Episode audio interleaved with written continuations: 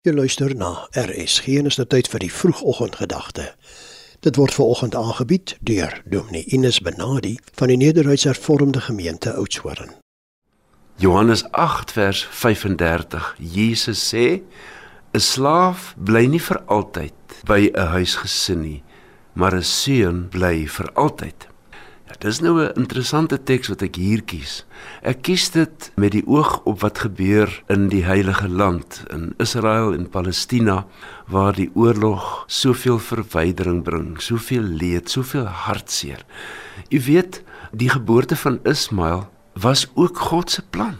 Ten spyte van ou Abraham wat gedink het hy gaan vaderloos sterf, het die Here dit toegelaat dat Ismael gebore is en daarna Isak. En uit daardie twee kinders kom hierdie verskriklike striweling en stryd.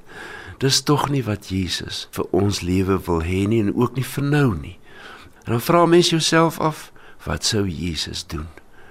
Hy sou huil oor elke kind wat doodgemaak word, oor elke huisgesin wat uitgewis word. In Johannes sê hy vir ons, 'n slaaf bly nie vir altyd by sy huisgesin nie maar 'n seun vir altyd. Sou Abraham vir Ismael sommer meer net wegjaag? Ek glo nie. Die striweling tussen die vroue het gemaak dat daar 'n onmenslikheid gebeur het. Een is die woestyn ingestuur en die ander een die rustigheid en die kalmte van die huisgesinsband. God se huis het plek vir almal, vir die slawe en die kinders. En laat ons nie onsself misgis nie. Sy genade word nie beperk nie. Mag daar vrede kom in Israel. Kom ons bid daarvoor.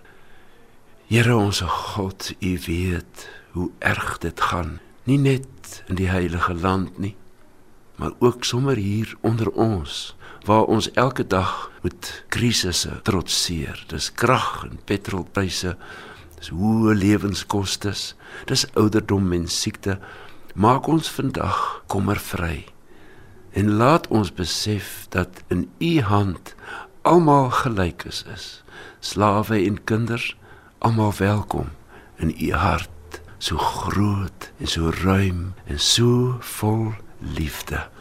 Ons loof u Here in Jesus naam. Amen.